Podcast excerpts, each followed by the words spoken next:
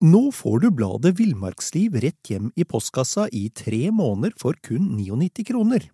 I Villmarksliv kan du lese om norsk natur, ærlige tester av klær og utstyr, og mange gode turtips skrevet av erfarne friluftsfolk, fiskere og jegere.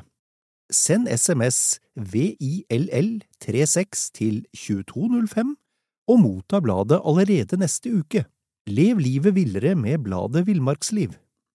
There's never been a faster or easier way to start your weight loss journey than with PlushCare.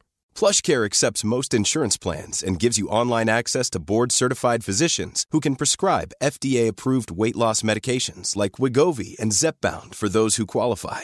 Take charge of your health and speak with a board-certified physician about a weight loss plan that's right for you. Get started today at plushcare.com slash weight loss. That's plushcare.com slash weight loss. plushcare.com slash weightloss.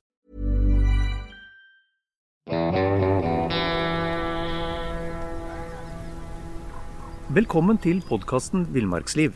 Mitt navn er Knut Brevik, og jeg er redaktør i bladene Villmarksliv, Jakt og Alt om fiske. I dag skal jeg snakke med Jan Fasting. Eh, Jan har, har vært med på mye. Eh, for å nevne noe, så, så, så har han vært eh, marinejeger. Han har gått Nordvestpassasjen, eh, vært på Sydpolen, skrevet to bøker. Og ikke minst så, så, var han en av hjernene bak TV og etableringen av TV-konseptet 71 grader nord, hvor han også var, var sikkerhetsansvarlig i tolv sesonger. Jeg vet ikke riktig hvor vi skal begynne, Jan. Her, jeg fornemmer at her ligger det mye frilufts, friluftsinteresse i bånn? Ja, det gjør jo det. I lange perioder av livet mitt så har jeg vært mer i natur enn i by. Mye ute. Ja, hva, hva starta det hele med, da? Uh... Nei, det er vel litt sånn som det er ved de fleste som faller utafor i eh, samfunnet. At eh, den normen som forventes av et barn eller en ungdom ikke passer. Og da er det veldig enkelt å bruke naturen, for der blir det ikke stilt den typen krav til normer og oppførsel og energi som som noen har mer av enn andre. Mm, mm. Et fristed? Et fristed. Eh, absolutt. Det er jo Hvis du har for mye energi, så får du jo piller i samfunnet. Mens uh, hvis du har for mye energi i naturen, så er det bare å bruke noe. Mm. ja, godt poeng. Du, du, har fortalt at du allerede som 16-åring var med på en, på en, ekspedisjon eh, på Svalbard. Ja, det var jo en helt fantastisk eh, opplevelse som ble på en måte min konfirmasjon, og som gjorde at jeg skjønte hva jeg skulle leve av resten av livet. Så, pappa var eh, eh, norsk spion i Polen og jobba tett sammen med Lech med Solidaritet Norge-Polen. Da han ble kjent med eh, det akademiske miljøet rundt eh, Poznan, Gdansk og Katowice. Og de, eh, han gikk senere en tur til den polske forskningsstasjonen i eh, Hornsund. og på vei dit så forfrøys han beina, og måtte bli der til eh, i havisen ga seg. Han kunne bli henta med båt. Mm. Eh, og Da ble han kjent med polakken og lærte polsk. Eh, ja, det, var, det var, altså innledningen til at han da fikk den kontakten mot polakken og lærte seg polsk. Mm. Som igjen da førte til at han innleda samarbeidet om å få polakkene ut av eh, jerngrepet til Russland. Mm. Eh, og så var det den da tidligere polske lederen som nå hadde defektert til Norge, eh, lederen av eh, Hornsund, han skulle på en vitenskapelig ekspedisjon på Svalbard. Som jeg fikk høre om, og så spurte jeg om å få være med for å hjelpe han. Ja. Så jeg ble med som hans oppasser.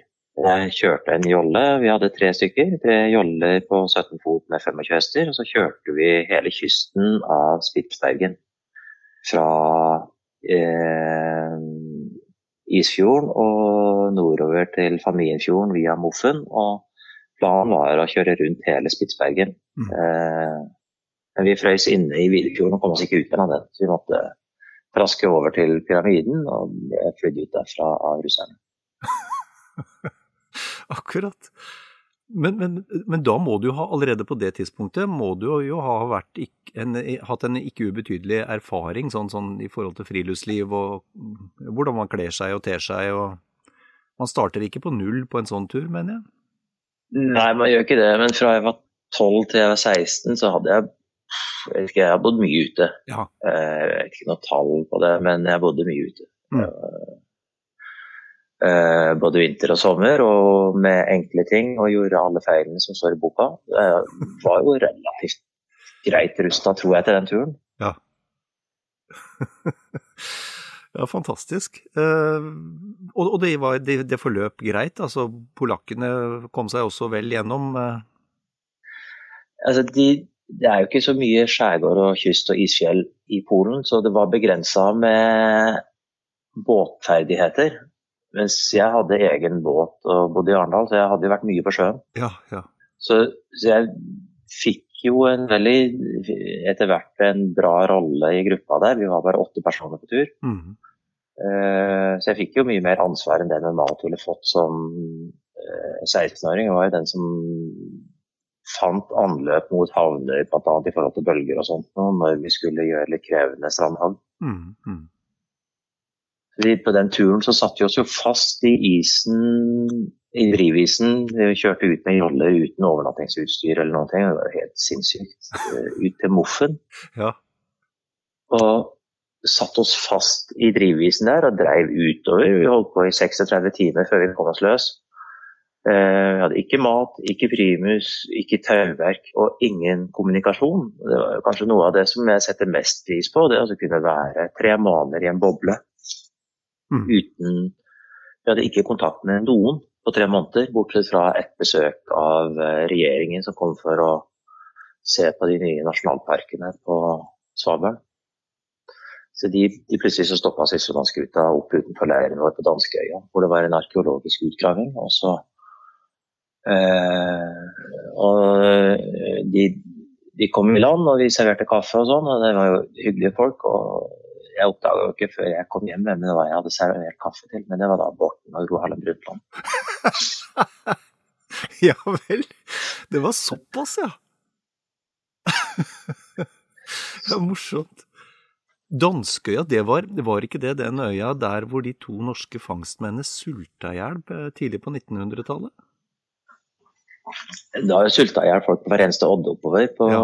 grådighet etter elfenben og de som de grådigste ble jo igjen lengst, og da frøys båten fast. Og da var det veldig lite å ta seg lite næring. Det var jo den Nansens uh, ufrivillige overvintring på vestkysten av Grønland som lærte folk å unngå sjøbruk mm. Mm. I, I, Vesten. Og det var jo Svenskene daua jo en hel ekspedisjon i 1917, så det var jo Det har vært uh, Eh, det har vært masse tragedier på Svalbard. Mm, mm. Dette her kunne jo også gått ille, men, men, men, eh, jeg tenker på den situasjonen dere åpenbart var inne i med 36 timer i fastfrosset i isen. Og, men, men, det løste seg, åpenbart? Det løste seg greit, ja. ja. Vi, det, var, det var jo fordelen at vi hadde lette båter. Ja. Vi har to båter i følge, eh, og vi var vel fem eller seks stykker som var ute på Mofen. De andre var igjen på Nordkapp, mm. Eh, på Gråviken. Så vi eh, hogg jo renner og klarte å dra båtene over fra råk til råk. Men vi sov jo godt når vi kom tilbake igjen til Gråviken. For det var, det var en påkjenning. Mm. Mm. Du, jeg tenker vi hopper litt videre. Du, og, og så, så, søkte du deg tjeneste som, eller ble tatt opp som marinejeger. Eh, ja, det var jo Jeg gikk på idrettshøyskolen først i tre år. Ja, ja. Det var en artig opplevelse å komme til idrettshøyskolen og være god i en aktivitet som du ble sett på som en raring som du utøvde i Arendal, men så kom du dit, så kom, var det liksom en ressurs. Det var jo en fantastisk opplevelse. Ja, for det, for det var så, padling? Det var padling, ja. Elvepadling. Ja. Så det har jeg hatt noen år på landslaget i elvepadling, og kom inn som sportsidiot. Det er et sånt smutthull for folk som ikke har gått nok på skole, til at de, men som er gode i idrett. Så Idrettsforbundet innstill, hadde fem plasser da, de kunne innstille til eh, høyere utdanning, og så fikk jeg den ene av de. Eh, så uten den hjelpen fra Norges idrettsforbund, så hadde jeg ikke fått noe høyere utdanning. Nei. Jeg hadde jo ikke veldig mye karakterer å skryte av.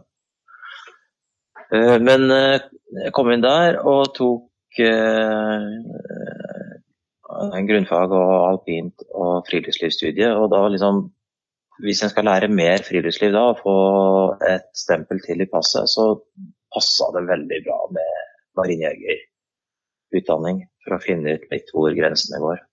Mm, mm. Eh, det var jo minst like lærerikt som de tre årene på idrettshøyskolen. De to årene på, i eh, Sjøforsvaret. For- det er ikke noe tjeneste du bare melder deg til. Det, der blir, det, det, det er mange som føler seg eh, kallet der, men veldig få som blir valgt ut. Ja, altså det er jo en uh, hinderløype som tar noen uker. Mm. Uh, og den er mer eller mindre den samme uh, hinderløypa som man skal gjennom. Og det er jo litt for at uh, de som klarer den hinderløypa, er da rusta til videre opplæring og aksept inn i miljøet, på en måte. Mm. Så det er, det er å komme seg gjennom den hinderløypa som teller, men den tar jo to-tre måneder å komme seg gjennom. Mm. Mm. Eh, Men eh, altså, som et eksempel, da, så på friluftslivsstudiet på idrettshøyskolen, så, så var det jo i klasseromsundervisning eller rundt et leirbål, så sier jo da foreleseren at hvis teltet ditt hadde brent opp og maten var spist av en bjørn, så kunne du gjort sånn. Man kunne gjort sånn. Mm. Mens eh, på marinekurset så ble vi tatt til fange, eh, lurt inn i en felle, på med hette og håndjern, avhør i eh, en stund, og så putta jeg et helikopter hvor vi ble rømt. eh, Flytta ut, sluppet ned i terrenget, og så eh, med sko uten lisser og bukse uten belte og jakke uten knapper, og så beskjed om oss å ta oss hjem uten å dø av sult. Og hjem var da kanskje fire-fem dager. En escape-øvelse. Ja. Men likevel så kommer det da inn en instruktør ikke sant, en gang imellom hvis ting går skeis. Og sier nei, nå gjorde det noe dumt, du må gjøre mer sånn og mindre sånn. Mm. Så det, det som var teori på i ekstremtilfellet, går både på søvn og mat og hvile og ekstremsituasjoner, det var praksis og veiledning under kontrollerte former på på marinekurset. Så det var liksom tre-fire hakk opp i forhold til intensitet og læring. Mm, mm. Får jeg bare spørre om det er muligvis et litt talentløst spørsmål, men, men hva, hva, hva syns du var tyngst? Altså var, det de, var det de fysiske prøvelsene, eller de mentale, det mentale stresset og de mentale utfordringene? Eh, Det kan du ikke skille. Nei. Uh, smerte er den fysisk eller psykisk?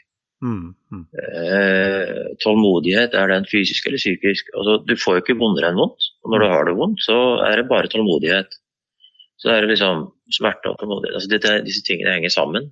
Mm. Uh, og sulten går jo over etter et døgn. Uh, så det er jo bare, da blir du bare slapp og introvert.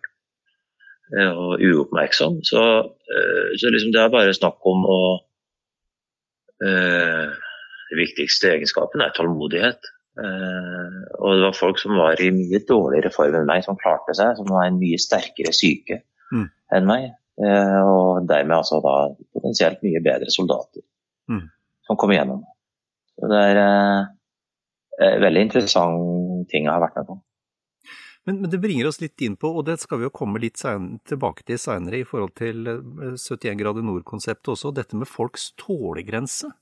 Eh, Vi, vi, er, vi er jo de fleste av oss som ikke har vært gjennom den type prøvelser. eh, På et eller annet tidspunkt så mener vi at vi er veldig slitne, og da er vi ferdig.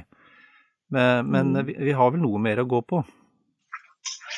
Ja, altså Hvis hun vil se hva folk skal tåle, så skal du ikke se på norske prestasjoner. Så skal du studere en flyktningstrøm hvor eh, en relativt utrent eh, torghandler bærer bestemor på ryggen gjennom et pass på barbeint på husvei. Mm, mm, Vi har ikke begreper om hvor kjelleren er eh, hos oss vanlige vestlige mennesker med vannbåren varme i gulvet.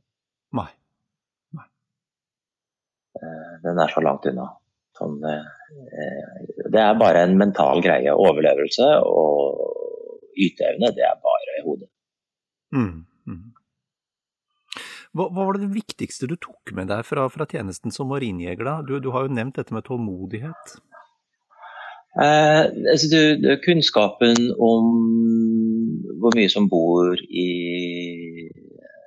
i meg, og evnen til å stoppe opp og tenke selv om eh, situasjonen tilsier at du skal ha panikk og løpe en bestemt retning. Eh, det liksom det å klare å være litt mer eh, litt kaldere, da. Litt, eh, litt mer beregnende i når det brenner på dass. Det var ganske lærerikt. Det er jo en stressmestringstrening. Altså sånn type Du, du er litt sånn i altså, situasjonsfornemmelse, rett og slett? Ja. Eh, det er jo litt sånn eh, På 71 grader nord så klarte vi oss gjennom 18 produksjoner uten alvorlig uhell. Mm. Og når jeg prøvde å forklare det til eh, amerikanere som var på eh, på besøk på Nordkapp, så trodde de meg nesten ikke at det gikk an å være 400 eh, døgn på tur i terrenget med så mange uerfarne eh, friluftslivsfolk uten at det oppsto ting. Men en av grunnene er at du slutter ikke å tenke selv om du blir sliten, og at du hele tiden har litt angst for at det skal skje noe. Så du går rundt og er på tå hev hele tida. Men, men, jeg tenker man trenger ikke å være amerikaner for å synes at det er imponerende, Jan. 400 døgn med forholdsvis til dels utrente folk i norsk natur, i, fri, om ikke fri, så i hvert fall i, ja, i aktivitet. Det er imponerende det at det ikke skjer noe alvorlig i løpet av den perioden. Ja, altså noen ganger så var det jo flaks, men så er det jo sånn som jeg pleier å si til meg sjøl når jeg har flaks, at det er jo de flinke som har flaks. Mm. Så vi klarte oss. Eh, vi var den samme gjengen stort sett eh, i hver eneste produksjon. Starta jo alene første sesongen, og så ble det gradvis opp til vi var åtte stykker som jobba med tilrettelegging og gjennomføring av de rutene. Mm, mm. Men du, la oss, la oss spole ørlite grann tilbake til, til starten. Eh, og, altså, hvordan, hvordan dukker dukka ideen om, om, For det er jo blitt et su suksesskonsept. 71 grader nord har jo trilla godt i, i massevis av år.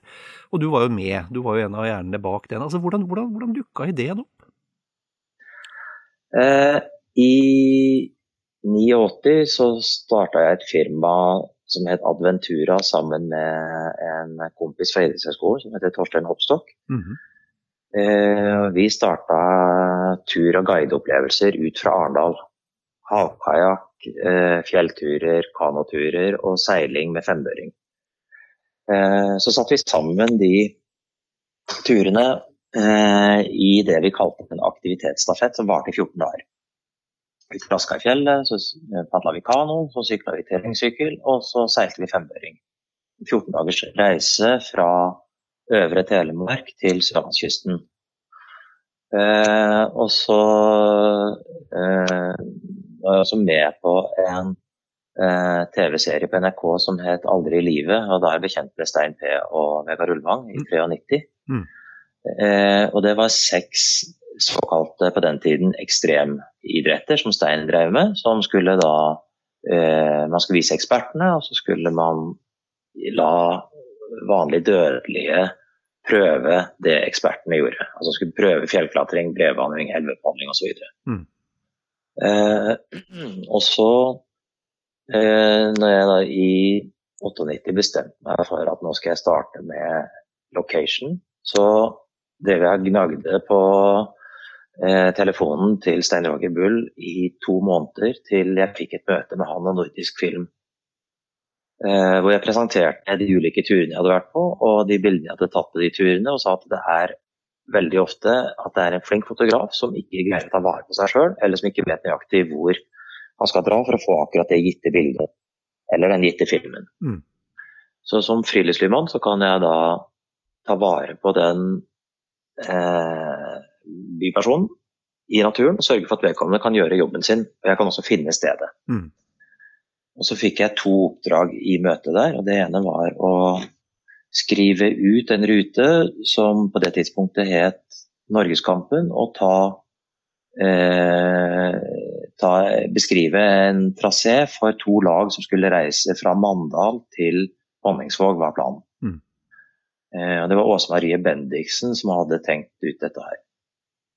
Eh, og så skrev jeg det om til å være ett lag som reiste eh, fra sydspissen, som er Lindesnes, til Nordkapp istedenfor å stoppe i byene. Vi unngikk byene i mest mulig forstand. Og så lagde vi da, på samme måten som i denne serien til Stein B. Aasheim som het 'Aldri i livet', eh, så lagde vi den eh, friksjonen mellom det deltakerne mestrer og det de blir utsatt for, eh, det oppdraget de får.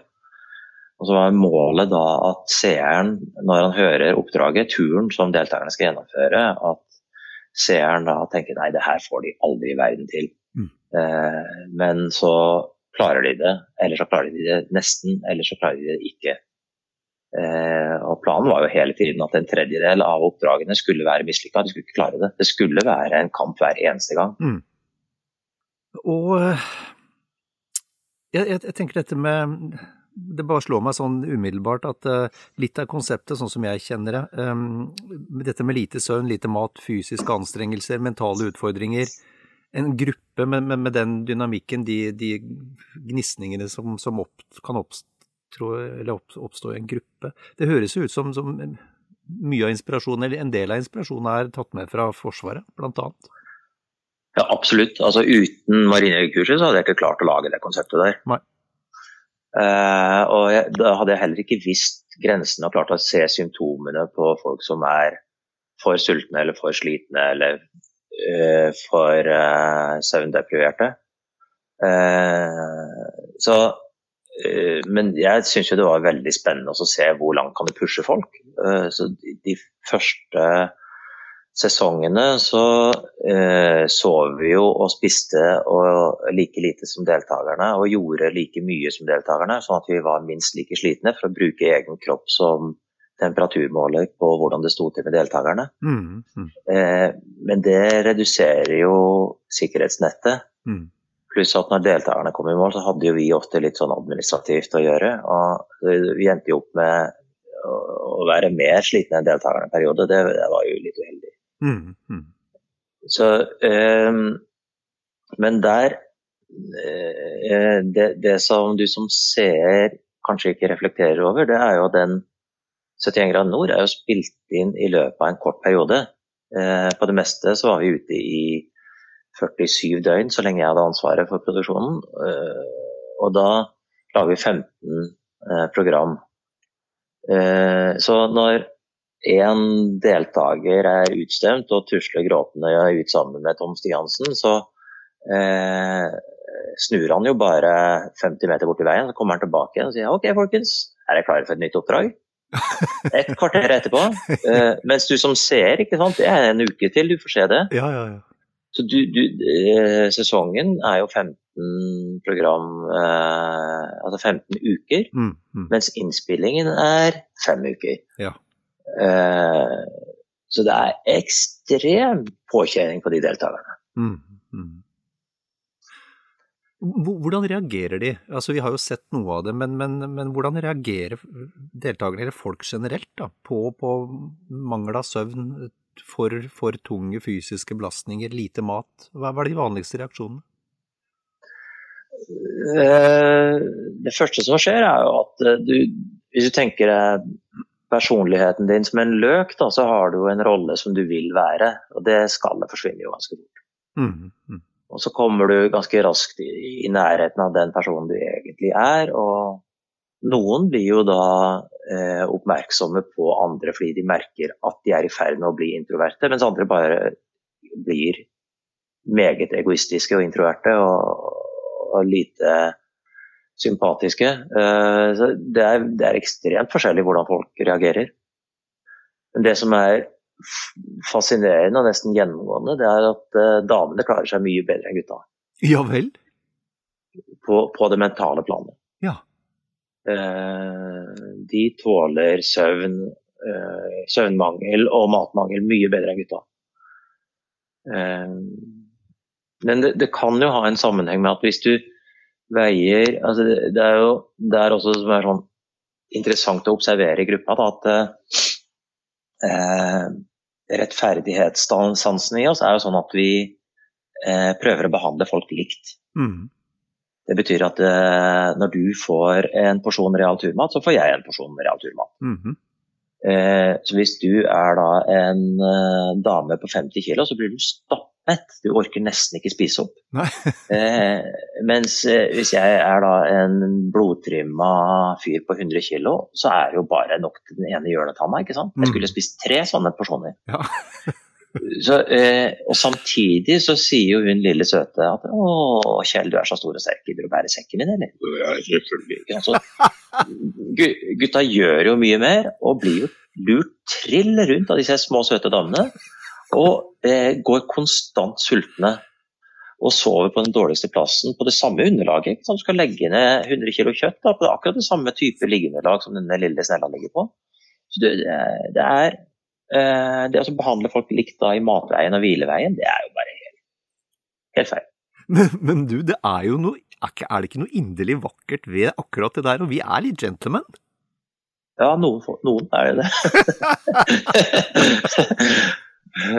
Og de, de, kommer ikke til Nordkapp. Det er veldig få gentlemen som vinner den der eh, bilen eller premien. Akkurat. akkurat. Du, så jeg tenker på sånn eh, i løpet av en, løpet av en um, sesong, da, eller ja, gitt, antall dager. Hvor mye, hvor mye turleder og hvor mye psykolog var du? Altså hadde du Sto du bare for den, den tekniske gjennomføringa, eller hadde du kontakt med, med deltakerne sånn fortløpende. Nå får du bladet Villmarksliv rett hjem i postkassa i tre måneder for kun 99 kroner. I Villmarksliv kan du lese om norsk natur, ærlige tester av klær og utstyr, og mange gode turtips skrevet av erfarne friluftsfolk, fiskere og jegere. Send SMS VILL36 til 2205 og motta bladet allerede neste uke. Lev livet villere med bladet Villmarksliv. Planning for your next trip? Elevate your travel style with Quince. Quince has all the jet-setting essentials you'll want for your next getaway, like European linen, premium luggage options, buttery soft Italian leather bags, and so much more. And it's all priced at 50 to 80% less than similar brands. Plus, Quince only works with factories that use safe and ethical manufacturing practices. Pack your bags with high-quality essentials you'll be wearing for vacations to come with Quince. Go to quince.com slash trip for free shipping and 365-day returns. Altså, når det virkelig røyna på, så måtte vi jo ta grep. Mm. Uh, når uh, deltakerne ble redde, så redde at det begynte å bli farlig. Mm. Altså, hvis du deler uh, Altså, hvis du blir så redd at du eh, rømmer fra noe. Mm. Du er ikke, så nøy, er ikke så opptatt av hva du rømmer til. Nei. Ser du forskjellen? Mm. Altså hvis du eh, Folk som hopper ut av et vindu i en brennende bygning i syvende etasje, de er så redde for flammene at de vil heller dø. Mm. Eh, og i en sånn situasjon så er du da må, må, du må se det, at det er i ferd med å skje, og så må du gjøre noe. Mm. Så når deltakerne i full storm tømmer sekken sin for å finne en vannflaske, og soveposen blåser av gårde, så det, det, får du ikke lov til. Nei. Da må du gripe inn. Ja. Men jeg vet ikke om jeg Jeg kaller meg ikke en psykolog når jeg gir en dame en lusing over øret og brøler så høyt jeg kan. Men jeg gjør jo noe. Ja, for, for du, måtte være, du, måtte være, såpass eh, håndfast, ja? Ja. Eh, altså det eh, Noen ganger så må du må gripe inn på det, eller så må du Det er veldig sjelden jeg har vært inne og trøsta noen. Eh, det er det kanskje andre i crewet som var bedre egna til, men, men sånn, for å hindre at noe går gærent, da, mm, mm. så må det ofte være eh, ordentlig bøs å bruke utestemme. Mm, mm. Hvordan, hvordan, reagerte vedkommende som fikk en lusing og beskjed om å ta seg sammen, hvordan reagerte hun på det, og, altså, og, og, og ikke minst sånn i ettertid?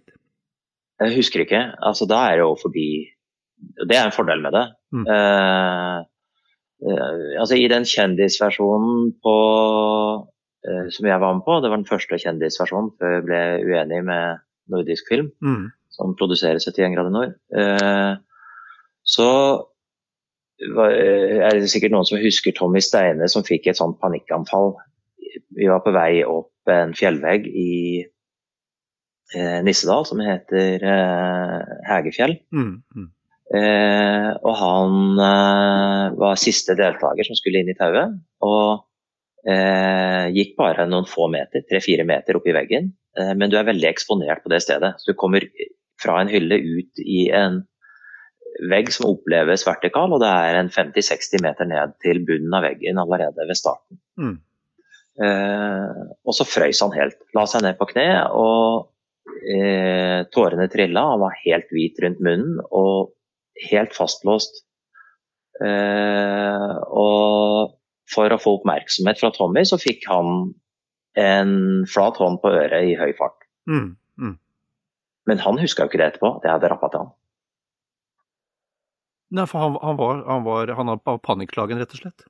Han var helt panikkslagen, så for å få han til å slippe taket i tauet, så vi kunne få kroka han løs og få han ned igjen fra fjellet, så var jeg nødt til å gi han en lusing. Mm. Mm. Så det kan godt være noen psykologer som hører dette som mener at det var feil uh, greier, og at det ligger lagra i hans underbevissthet og plager han fremdeles. Men det fikk han nå ned fra fjellet der og da. da. Ja, Akkurat Den sjansen tar vi, tror jeg. Ja. Vi får høre med Tommy. Ja. Men du, jeg tenker Altså, hva det, var- det var sikkert mange mange rare episoder, men, men hva, var det, hva var det sånn i ettertid det sjukeste du husker fra, fra alle de sesongene?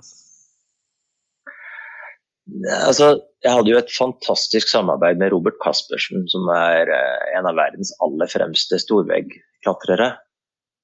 Eh, og tror det var i 2001, så fant vi ut at vi skulle klatre Kjærhag. Eller jeg fant ut at vi skulle klatre Kjærhag. Og Robert sov jo ikke på 14 dager etter at han hadde fått beskjeden. Så han begynte å gruble på hvordan i helvete vi skulle komme oss opp den veggen. Ja.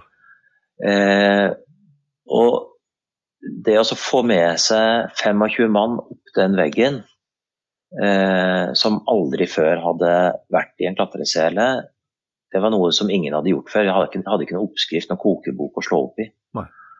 Eh, så måten vi rigga det på, løste det og sånn, det, det var nok det sjukeste og rareste, og det som pusha på en måte reality og formatet 71 grader nord eh, over en terskel. Etter det så kunne vi gjøre hva som helst. Ja, for, for da var det ikke noen grense lenger. Det var ikke noen grenser. Eh, Men sånn, det vi lærte av det, da, det er jo at det å kroke deltakerne inn i et tau og bolte i fjellveggen, det er jo faktisk noe av det tryggeste vi gjør. Mm, mm. Så no, det, det skumleste, og det er også det som deltakerne opplever, det er jo hvis du klatrer opp på en egg da, eh, hvor du går med sikring, og så skal du gå langs den eggen usikra på toppen. Mm, For der er det liksom relativt flatt, men detter du så dør du. mm. Men det er, liksom, det er jo som å gå på et fortau, men fortau er kanskje 40-50-60 cm bredt. Eh, og, men når du kroker noen ut av eh, tauet og sier her er det ikke lov å falle, da kommer ofte angsten. Mm. Fordi de føler seg trygge så lenge vi har tilrettelagt for at de skal kunne være helt trygge. Mm, mm. Og når de kroker seg inn, så får de en, veldig raskt en ubegrensa tillit til sikkerhetscrewet, som er off-kamera, som gjør at de gjennomfører ting selv om eh, de ikke har ferdigheten eller kunnskapen eller har gjort det før. Mm, mm. Dere mottok jo også Gullruten, dere, for å, for å ha Men det er beskrevet noe sånt som at dere, dere løftet friluftsproduksjon i TV-sammenheng til nye høyder. Um, hva, hva var det dere gjorde da, som, som brøt med det som var gjort tidligere? Eh, Jeg vet ikke. Eh, altså, jeg fikk jo den eh, fagprisen, som den heter. Mm. Eh, jeg ble jo lurt til eh, Grieghallen av Ervin Landsberg og Tom Strømnes. Av, selv om jeg Det var jo i mai og fin skiføre, men altså den, det vi gjorde for å få det til, var at vi, vi, så ikke på noen grenser. Vi tenkte bare ok, greier vi å ta med oss uh, ti deltakere og fotografer gjennom dette terrenget her på en forsvarlig måte? Mm. mm. Ja. ja, da gjorde vi det. Og så var det jo en veiledning, en avhjelping av fotografene og deltakerne for å få det til. Mm. Så vi gjorde jo noen turer som veldig lange og slitsomme, og klarte likevel å dokumentere det vi holdt på med. Så regelen er jo hele tiden at vi jo, Eller var i hvert fall så lenge, jeg vet ikke hvordan det er nå, men det var jo at vi hadde ti minutter til TV-produksjon per time. Hvis vi gikk utover det, så måtte vi legge den tiden til i forhold til målgang og tidsfrist. Eh, og så hadde deltakerne ikke lov til å Eh, altså hvis vi rigga opp et kamera og, og bestemte noen regi, nå skal dere gå der, som var en ekstra belastning for deltakerne, så måtte vi lempe på det på et senere tidspunkt. Så det var et, sånn, et samspill mm, mm. Eh, som var veldig viktig å få til. For å få de historiene på eh, inne i TV-ruta, som vi ser. Mm, mm. Savner du jobbinga med, med det konseptet? Ja, jeg gjør jo det. Altså det å kunne få sånn ingen grenser og frie budsjetter. Men mm. den verden eksisterer ikke lenger. Mm. Nå er jo TV Norge solgt til noen grådige amerikanere som skjærer i stykker hele konseptet og ødelegger det fordi eh, produksjonen tvinges til å ta redaksjonelle grep i forhold til økonomi som er helt uforsvarlige i forhold til formatet. Mm. Det er jo litt interessant. Du nevner, du nevner, eh, du nevner amerikanske interesser. Det, altså, dette konseptet ble vel også eh, eksportert, ble det ikke det? Både belgisk og dansk TV kjørte det konseptet? Ja, altså vi lykkes jo, eller Nordisk Film lykkes med å selge det som format til Polen og Sveits og Warner Brothers i USA og Canada. Mm -hmm. Eh, ingen av de eh, forsto formatet og gjennomførte formatet på en bra måte. Eh, så der ble det med én sesong, eller kanskje to sesonger. Eh, I Sverige så gjennomførte de to sesonger fra Smygehuk til Kebnekaise. Mm -hmm. Eh, men der, han som var sikkerhetssjef der, var Gøran Klopp, og han eh, døde i en klatreulykke før sesong tre, og da stoppa de produksjonen. Okay. Uh, I Norge så gjennomførte vi dansk, norsk, belgisk, nederlandsk og engelsk produksjon i, under min ledelse. Og det var sånn semi-vellykka, vil jeg si. Det blir veldig mange lag av administrasjon som skal ha inntekter på dette her, når du har et nederlandsk produksjonsselskap som må kjøpe tjenester av et norsk produksjonsselskap som kjøper tjenester av en sånn skurk som meg, mm. og som beveger seg i Norge. Eh, og det var før vi fikk eh, momsfritak på, eh, på film- og TV-produksjoner. Så det var jo ekstremt kostbart for uh, Nederland og Belgia å komme til Norge og produsere. Så det stramma jo på det. Og det samme med britene. Uh, de gjennomførte først én sesong som jeg leda, og så gjorde de en sesong til med, som ikke gikk like smooth. da. Mm. Uh, uten at vi deltok. Mm. Det var for å spare penger. Altså, det er jo dyrt å være på veien i en måned og sitte tre måneder i redaksjon for å planlegge det. Mm. Du får bare spørre deg, hvordan, hvordan, hvordan klarte de utenlandske deltakerne seg i norsk natur? Um, Eh, så lenge det ikke var kjendiser, så var det omtrent det samme. Ja. Altså Belgiske vanlige dødelige på vintertur klarte seg like bra som norske vanlige dødelige. Omtrent samme distanser, omtrent samme fart. Men sånn kulturelt så er de ikke vant til å få kjeft. Okay. Så når jeg kjefta på dem fordi de hadde gjort et eller annet de ikke hadde lov til, så begynte de å gråte, eller de var, ble livredde, altså fysisk redde. For, Sånn, så det var en del sånne andre utfordringer som tok litt tid før vi skjønte at vi måtte omgå. Mm. Mm. Eh, men fysisk så var det ikke stor forskjell eh, på hele gruppen. Det var enorm forskjell på en flink norsk friluftslivutøver og en flink, kall det i gåseøyne, belgisk. For en flink belgisk er jo som en 13 år gammel speidergutt i Norge. Akkurat. Mm. Mm. Skjønner. Så, men når du tar tverrsnittet av en gruppe på tolv deltakere, så var det De går ca. 3 km i timen med oppvakning og ca. 300 høydemeter i timen med oppvakning. Og de padler ca. 2 km i timen med rastestopp og velt og alt det som hører med. Ja.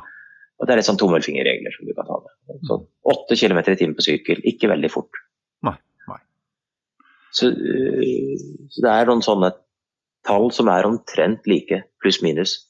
Men når det gjelder kjendiser, da går farta ned.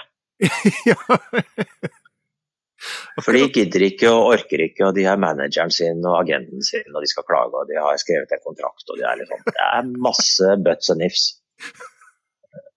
Så det Dette høres ut som to verdener som kolliderer. Ja. Det er det. Ok, um, vi, vi, må snakke litt om, om, om, det du er involvert i, i nå også, Jan. Og, og det, er, um, det, er, steget opp, da, sånn komfortmessig, kan vi si. Fordi mm. nå, er du, nå, er du, tungt involvert i såkalt glamping, du. I, I, noe som heter Canvas hotell, Canvas med C. Hva er det for noe?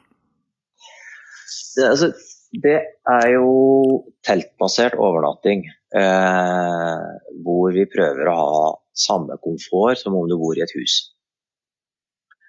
Så eh, vi har bare plukka ut de elementene som vi liker i huset og putta det inn i et telt. Og så har vi plassert det i natur på en sånn måte at du føler at du er veldig mye tettere på naturen enn om vi hadde satt opp et eh, treetasjes hotell der. Ja. Og, og, og hva, er, hva, hva, er, konseptet Altså, hva, hva, hva får folk når de, når de besøker en, en, en, et glampingsted? Altså, det jeg pleier å si, er at våre gjester er jo ikke vanlige hotellgjester. De er skuespillere i et teaterstykke. Okay. Så vi har, satt, vi har, satt, opp en scene eh, som består av eh, et par ildsteder, du har en, et mongolsk eh, nomadetelt som står på perler ute i et vann, du har et par hestensenger, du har noen råvarer som ikke er varma enda, men du har garnityr og alt mulig. Og så er det opp til deg som gjest å velge hvilken rolle du inntar. Vi har scenografien og scenen, og sånn, men folk må få lov til å gjøre det de vil på vårt sted. Ja. Eh, med minst mulig instruksjon og interaksjon. Så det, vi løser ikke et, eh, et logistikkproblem for en handelsreisende mellom Oslo og Bergen. Eh, til oss så kommer folk for å få en opplevelse, et teaterstykke som varer i to døgn. Ja, ja. Og, og, og, da har de på en måte da De bor forholdsvis komfortabelt. Det er ikke hotellstandard som du sier, men de bor forholdsvis eh, komfortabelt og, og har en, en, en, slags nærhet til villmarka og til friluftslivet? Ja, altså Bakgrunnen for at jeg ville bygge mitt eget sted, var at jeg, ved siden av 71 grader nord-produksjonene så tok jeg jo med masse folk ut på tur og prøvde å, å redusere ubehaget og øke komforten på de mest umulige steder. Altså, vi mm. bygde teltleir på Styggebreien under Galdhøpiggen med eh, feltsenger og reinskinn og serverte sjuretters mat fra primus der. Og så gikk på Galdhøpiggen i solskinn dagen etterpå. Mm. Eh, gjort masse sånne stunt rundt omkring. Og så fant du ut at eh, hvis du finner et sted hvor det går an å repetere at det er tilstrekkelig med turmuligheter, så slipper jeg å gi fra meg 60-70-80% av omsetningen til et hotell. Eh, og da, da, slutter jeg å selge bare mine egne timer. Så kanskje jeg kan selge noe som gjør at jeg etter hvert ikke blir minstepensjonist, men at jeg får en eller annen eh, greie når knærne, hofter og rygg slutter å virke. Mm, mm. Så, eh, så, det var litt sånn Det var sånn blanda at vi hadde lyst til å lage et produkt som ikke eksisterer, eh, og vi trodde at vi skulle tjene penger på det. det gjør vi ikke. Jeg tror vi hadde så vi, det, er ikke, det, er ikke, bra butikk. Det er, har, det er rimeligere døgnpriser på Canvas hotell i Telemark enn det er på en tilsvarende leir i Afrika. Mens våre personalkostnader er betydelig høyere. Ja. Så, så, men skal du på en safari eh, i eh, Sør-Afrika, så, så, kommer du ikke unna med eh, 3000-4000 i døgnet. Du må nok doble det før du, før du blir tatt med på safari. Mm, mm. Eh, så det sliter vi litt med i det norske markedet. Men, eh, men sakte, sakte så kommer folk, og eh, akkurat der har vi fått hjelp av covid. Fordi folk har brukt de pengene som de hadde egentlig satt av til kostbare utenlandsreiser i Norge. Så noen av de som kommer hos oss, syns jo at de får veldig mye for pengene. Eller de aller fleste syns jo det. Ja. Så vi har, vi har, en ganske høy sånn eh, gjensalgsrate eh, på våre gjester. Ja. Kanskje oppi en 40% av de som har vært der én gang, kommer tilbake igjen. Kanskje ikke samme sesong eller sesongen etter, men det går to-tre år, så kommer de tilbake igjen. Mm -hmm. Det er veldig mange som kommer igjen. Og så vidt jeg forstår, så har dere to, dere har to anlegg. Det ene er på, på Hove utenfor Arendal, og, og Treungen i, i, Telemark, er ikke det riktig? Jo, det stemmer. I Treungen så er det jo et eh, bygd rundt terrengsykling, fordi området er blant eh, Europas aller beste områder for stisykling. Mm. Eh, og der er det 34 senger. og Det er liksom makskapasiteten der. Mm. Eh, for noen år siden så ble det eh, lagt ut en mulighet for å overta en campingplass som var i kommunal drift i Arendal. Eh, og vi søkte på den og vant det anbudet. Så der er tanken å bygge noe som ligner på Ekstremsport-VK, hvor du har en liten landsby med kanskje 300-400 Eh, personer som bor, og som er med på 20 ulike typer aktiviteter. Mm, mm. Spennende. Spennende. Veldig. Mm. Uh, ok. Uh, vi, må, vi må snakke litt ja, det, det, det, jeg tenker på, du har du har vært med på mye, og du har jo bl.a. gått Nordvestpassasjen med, som med Vegard Ulvang, Harald Dag Jølle, med skiseil. Uh, også en strabasiøs tur. Og, og da tenker jeg Altså, hva, hva, tenker du om prestasjonene til de, de gamle polarheltene? Amundsen og, og de gutta?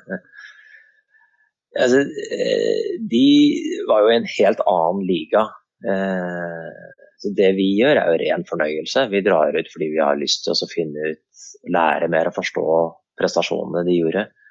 Så det er ikke sammenlignbart engang. Det å reise ut i et område sånn helt uten kart for å utforske det, for å kartlegge det eh, Altså, de sa liksom farvel til kjærester og familier når de dro, og så visste de at de hadde pakka for fem år med proviant mm. i båten. Mm. Eh, og kanskje vi kommer hjem igjen.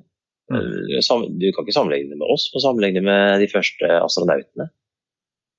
Mm, mm. Det var tøffe gutter? Ja, det var det. Men de var jo òg et produkt av sin tid. Da, hvor uh, uh, det var helt vanlig å ta den typen risiko. Uh, de hadde jo en dødsrate på oppi 30 sjøfolk. Mm, mm. Så det, det, var ikke uvanlig at folk strøyk med på fiske og i skogen. Og i, altså det var jo ikke Det var ikke eh, Equinor som stenger ned en plattform hvis noen brekker beinet. Det, det skjedde vel ikke helt Nei. for eh, 150 år siden. Det var, sånn, det var synd. Pakka han i flagget og få han over bord, og så fortsetter vi.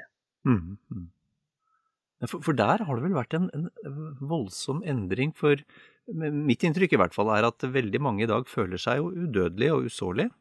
Det er jo ingenting, mm. ingenting, som, ingenting som Vi er jo ikke vant til vi er ikke vant til at det skal være risiko lenger.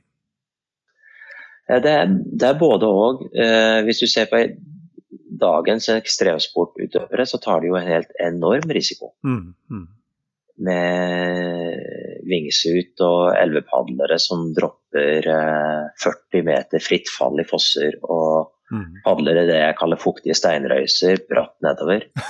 hvor, hvor liksom point of no return er kanskje en kilometer oppe. Mm. Og gjør du en eneste feil i løpet av den kilometeren, så er det veldig høye, store konsekvenser, om ikke død. Mm.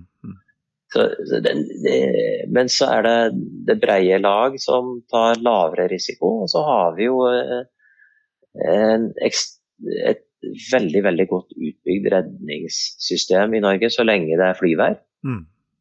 Folk glemmer jo det at i det øyeblikket tåka kommer, så kommer jo ikke luftambulansen. Da har du jo en helt annen type utfordring hvis du ligger der med hofta ut av ledd. Mm. Mm. Ja, det er sant. Det er sant. Uh, jeg har lyst til å, å sånn avslutningsvis, jeg uh, spørre deg Du har, så vidt jeg vet, da, så har du gått turen fra Lindesnes til Nordkapp 18 ganger. Um, og du er veldig, veldig godt kjent i, i Norge. Hva, hvilke deler av Norge syns du er flottest, og, og hvilke deler ville du, ville du anbefalt folk å, å, ta en tur i? Altså, vi går jo muligvis mot en ny sommer hvor, hvor vi alle skal uh, muligvis være i Norge. Altså Hvis folk løfter blikket litt og ikke følger eh, bjellesauen til enhver tid, så er det jo enorme muligheter vi har så god plass. Mm. Eh, det er det første og det viktigste. Å være bitte litt kreativ. Mm. Er, eh, og, og, så må man altså, hver natur, Hvert naturområde har sine kvaliteter. Eh, alt fra tett eh, skau i Østfold til de åpne viddene i Finnmark. Mm. Og det, eh, den enorme skjærgården langs nordlandskysten. Eh, så det er veldig vanskelig å plukke ut et område som, eh, som er eh, bedre enn andre. Jeg har jo en havseiler som jeg drar på tur med. Mm, mm. og har, Dermed er liksom hele Norge tilgjengelig som rekreasjonsområde eller som, som jeg guider fra. Da. Mm. Så, liksom, så det, det, kommer litt an på også hva har du av tilgjengelig verktøy å ta deg rundt med. Mm. Eh, så Helgelandskysten og Nordlandskysten er jo helt fantastisk. Mm. Og, eh, men etter å ha vært eh, elleve år på eh, tørre, flotte, store svaberg i eh, Telemark, så er jeg jo ekstremt fascinert av det området der også. Mm. mm. Det, de granittbergene strekker seg jo fra Kragerø til Lysefjorden, mer eller mindre. Mm. Du finner sånne enorme åpenbaringer. Mm. Så det er ikke behov å legge seg i kø, altså. Det, er, det, er bare, det, er, det vitner om mangel på fantasi. Du, bare sånn, sånn, helt på avslutningsvis, eh, Jan, så har jeg lyst til å spørre deg. Du har jo altså Vi har jo ikke kommet gjennom en brøkdel av det du har vært med på, men, eh, men du har jo opplevd veldig mye, sett veldig mye. Gjort veldig mye rart. Altså, du, er det noen drømmer som gjenstår for deg å krysse av før mm.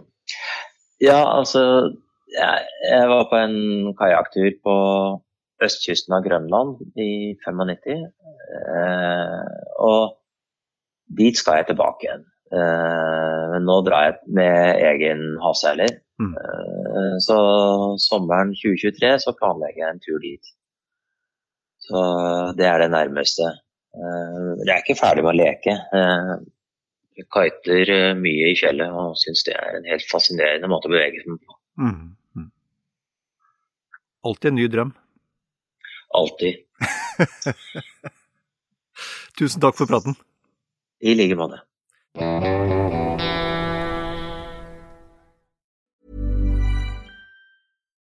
Nå får du bladet Villmarksliv rett hjem i postkassa i tre måneder for kun 99 kroner. I Villmarksliv kan du lese om norsk natur, ærlige tester av klær og utstyr, og mange gode turtips skrevet av erfarne friluftsfolk, fiskere og jegere. Send SMS VILL36 til 2205 og motta bladet allerede neste uke. Lev livet villere med bladet Villmarksliv. Imagine the softest sheets you've ever felt. Now imagine them getting even softer over time. That's what you'll feel with Bowl and Branch's organic cotton sheets. In a recent customer survey, 96% replied that Bowl and Branch sheets get softer with every wash. Start getting your best night's sleep in these sheets that get softer and softer for years to come. Try their sheets with a 30-night guarantee. Plus, get 15% off your first order at bowlandbranch.com. Code BUTTERY. Exclusions apply. See site for details. Planning for your next trip? Elevate your travel style with Quince. Quince has all the jet setting essentials you'll want for your next getaway, like European linen, premium luggage options, buttery soft Italian leather bags, and so much more. And is all priced at 50 to 80% less than similar brands. Plus, Quince only works with factories that use safe and ethical manufacturing practices. Pack your bags with high-quality essentials you'll be wearing for vacations to come with Quince. Go to quince.com/pack for free shipping and 365-day returns.